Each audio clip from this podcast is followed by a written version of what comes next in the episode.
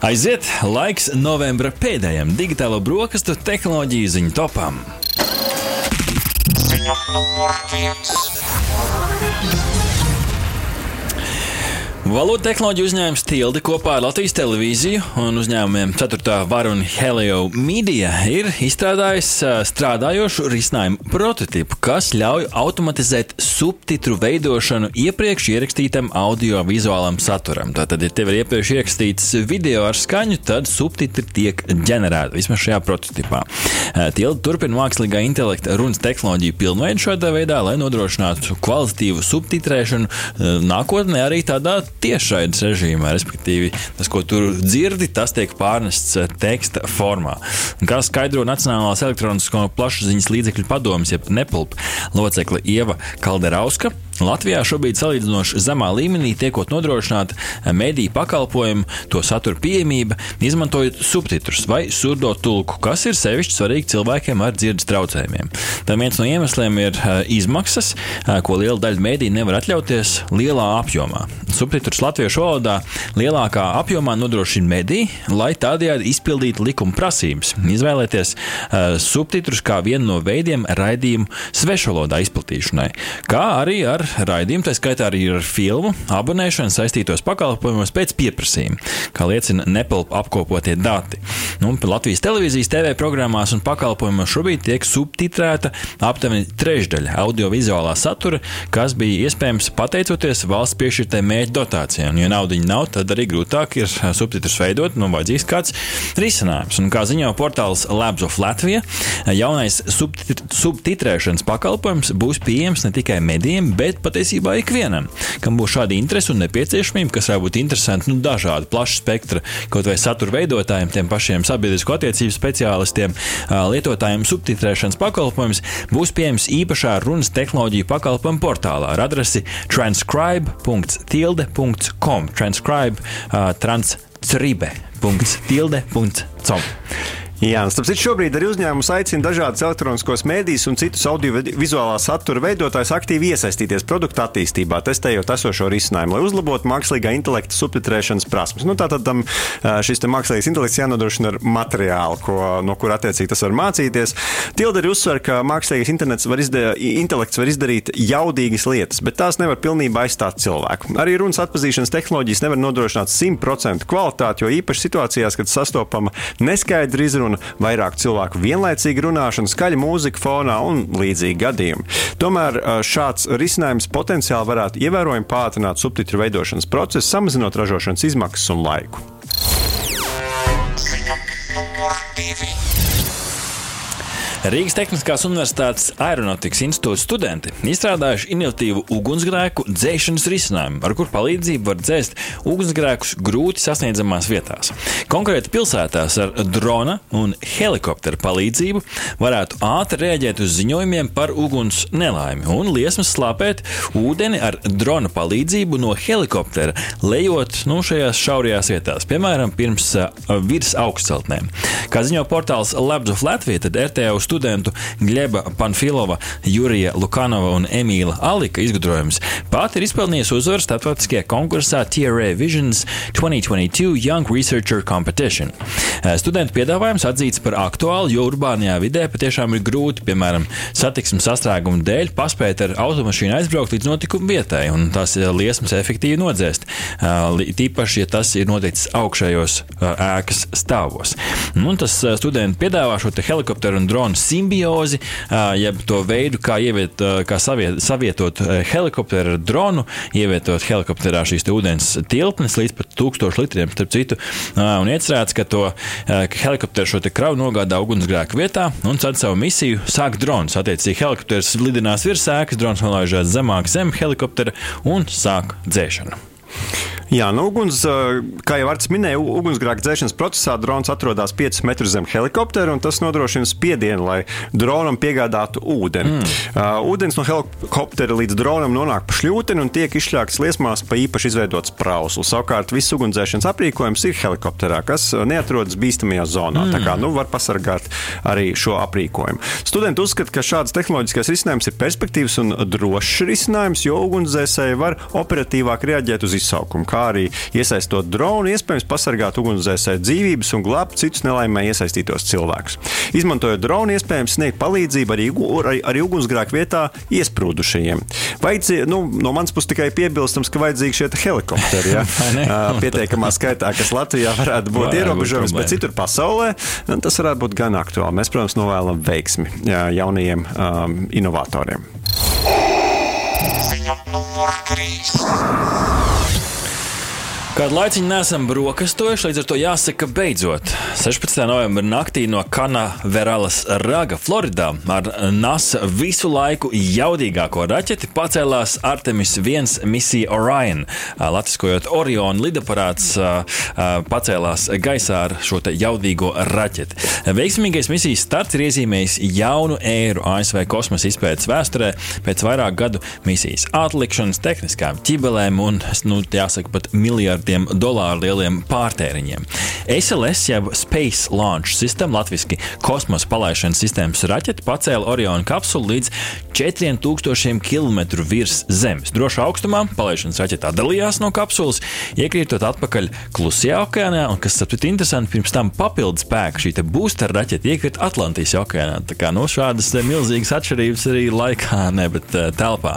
Uh, nu, un tālāk bezpilota Oriona lidaprāts veiksmīgi pietuvojās mēnesi virsmai pa šo laiku 130 km augstumā virs mēnesi virsmas, lai notestētu tā zemā augstuma garām palidošanas dzinēja darbību. Tad zemes augstums virs mēnesi un dzinējs, kas dzen to uz priekšu. Un tālāk lidaparāts dosies uz tālāku trajektoriju aiz mēnesi, kur tas pavadīs aptuveni nedēļu, un pēc tam tas nonāks orbītā, kur pārvietoties pretējā virzienā ap mēnesi no virziena, kurā mēnesis riņķo ap Zemi. Tad, tad nu, riņķo vienā virzienā, raķetiet otrā virzienā.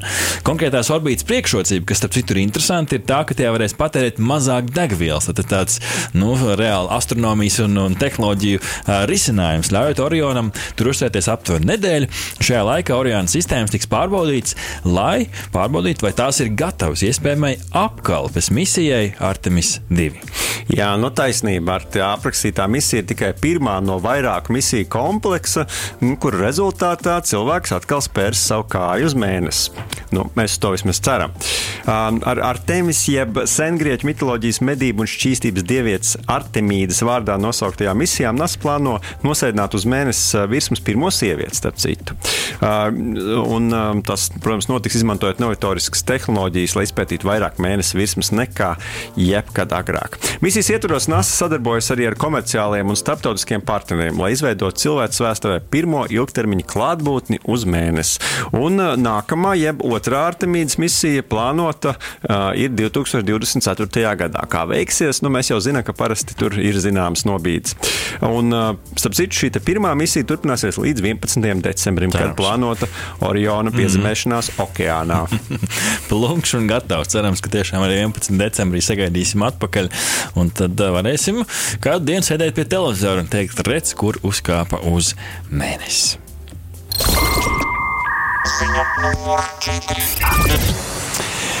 Sociālais tīkls, ja platforma TikTok paplašina savus e-komercijas iespējas tieši e-komercijas virzienā. Lietotnē Iestrādājot uh, iepirkšanās funkciju, TikTok Shop. Black Friday šīs melnās piekdienas globālā notikuma gaidās jaunā funkcija ir palaista testa režīmā Amerikas Savienotajās valstīs, kur pirmie lietotāji jau var iegādāties kārotās preces turpat TikTok lietotnē. E-komercija un tirgošana internetā nu, patiesībā jau kādu laiku ir TikTok fokusā. Uzņēmums iepriekš bija eksperimentējis ar Shopify iepirkšanās risinājumu, taču nolēma nu, strādāt pie sava rīka beigu beigās. Pagaidām nav gan daudz informācijas par tiem pirmajiem testa rezultātiem no ASV. Nu, tik vien zināms, ka Lietotājiem šāda funkcija patiešām šobrīd jau testa režīmā ir, un līdz šim to TikTok jau ir izmēģinājis arī citās valstīs, kā ziņo portāls Kursors. Tikmēr Financial Times ziņo, ka YouTube Shorts, jeb šo YouTube, Google, Google YouTube šī alternatīva vertikāliem īsiem video shorts, arī jau ir aprīkot testa režīmā ar affiliate marketing, jeb šīs saistītās reklāmas funkcijām. Tad ja es kā satura veidotājs kaut ko stāstu, uzspiedu uz manas saites, un tad dabū kādu atlaidi. Šādu tekstu mēs esam dzirdējuši, un tad šis reklamētājs pelna no šiem klikšķiem cilvēkiem, kas reāli kaut ko nopērk. Un arī YouTube gadījumā šī funkcija ir testa režīmā palaista ASV, Indijā, Brazīlijā, Kanādā, Austrālijā, piedāvājot influenceriem ietekot produktus, kas attēlot viņu shorts video materiālos. Nu, Rihard, cik bieži tev ir bijusi vēlme nopirkt kaut ko, kas redzams kādā video materiālā? Tas tam būtu kāds pielietojums, tavuprāt? Es domāju, ka, protams, ka nu, mūsdienu laikmetā, kad mūs iedvesmo šie te, uh, ietekmētāji, influenceri mm, un daudz vēlas viņiem varbūt arī līdzināties, tad skaidrs, ka tas uh, strādā. Ma, priekš manis gan tas parasti ir otrādāk. Es izdomāju, ko es vēlos pirkt, un tad es informāciju reizēm mēdzu meklēt, mm -hmm. skaitā arī šajos sociālo tīklu platformās, lai uzzinātu, ko tad uh, līdzīgi testētāji kā mēs un lietotāji domā par, mm -hmm. par mhm. teiksim, konkrētu ierīci vai, uh, vai pakalpojumu. Nu, un tad uh, šādā veidā uh, daudz ko var izzināt. Man tik bail no tā, ka vienā brīdī ne, nesanāk tā, ka tas nu, noderīgais vai smieklīgais video, nu, viņiem cenšoties pelnīt, ir mākslīgi piebāzts ar produktiem un šīm spaidāmajām funkcijām, lai tikai kāds kaut ko nopērk, bet nu, tāda laikam tā kapitālisma daba, vai ne? Nu, droši vien jau, ka cilvēki izvēlēsies skatīties tos un sekot tiem, kur varbūt tā nedara. Kvalitatīvs saturs pāri visam.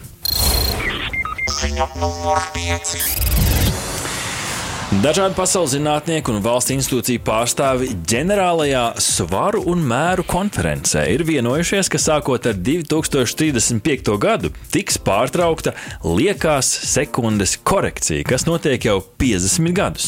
Līdz 2035. gadam ir jāatrod jauns risinājums korekcijas veikšanai, kuram jāspēj darboties vismaz 100 gadu garumā, lai nav nepieciešams veikt izmaiņas katru gadu. Kāpēc par laiku tehnoloģiju raidījumā, nu sākot ar 1972 gadu, kad pulksteņa precizitāte tika noteikta ar atomu pulksteņa palīdzību un sniedz ļoti augstu precizitāti. Katru gadu tiek veikta šī nelielā, it kā smieklīgi mazā laika korekcija, kas tieši tehnoloģiju uzņēmumiem un tehnoloģiskām ierīcēm, sistēmām, kuras ļoti paļaujas uz katru sekundi un kalibrējās ar, ar to, šis tiešām ir liels izaicinājums, ko mēs patiesībā pat neredzam, un labi, ka mēs to nezinām. Sekundes korekcija parasti tiek veikta vai nu 30. jūnijā vai 31. decembrī, Un tā tehnoloģija nozarē dažādiem algoritmiem nu, rada tiešām sarežģījumus. Cilvēkiem ir jāpiepūlās, un tās, protams, arī ir izmaksas. Kaut arī sākumā liekā sekunde bija jāpievieno, jo zemes griešanās ātrums bija pat ir bijis minimāli lēnāks nekā mūsu laiks. Pēdējos gados ir nepieciešams noņemt šo papildu sekundi nost, kas esot sarežģītāk, kā raksta portāls kursors.